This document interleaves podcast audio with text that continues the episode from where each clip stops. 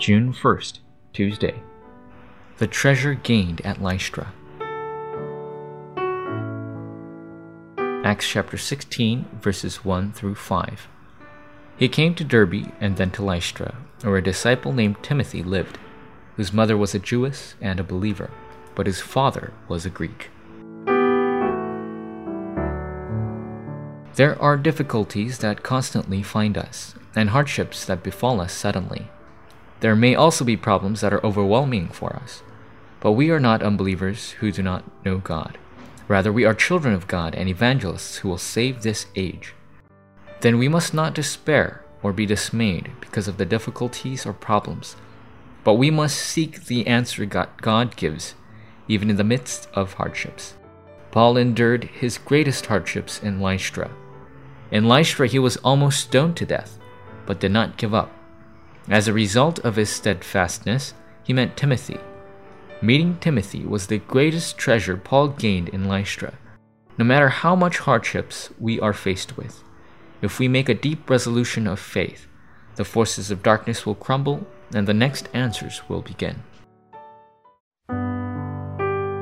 Number 1 Blessing of Meetings.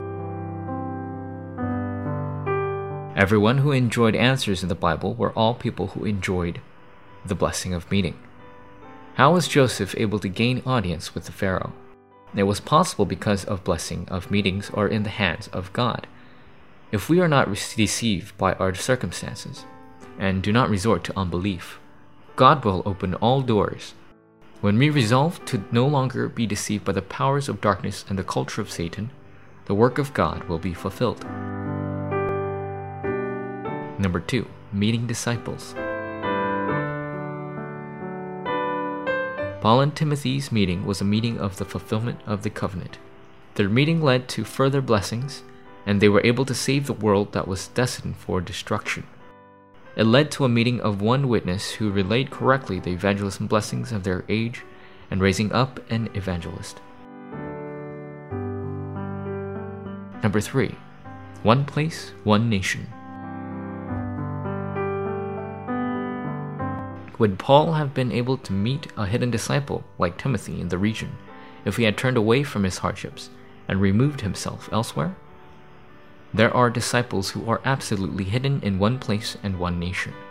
All God's plans and purpose in its entirety is focused upon the hidden disciple. It is for this purpose that we must receive the guidance of the Holy Spirit.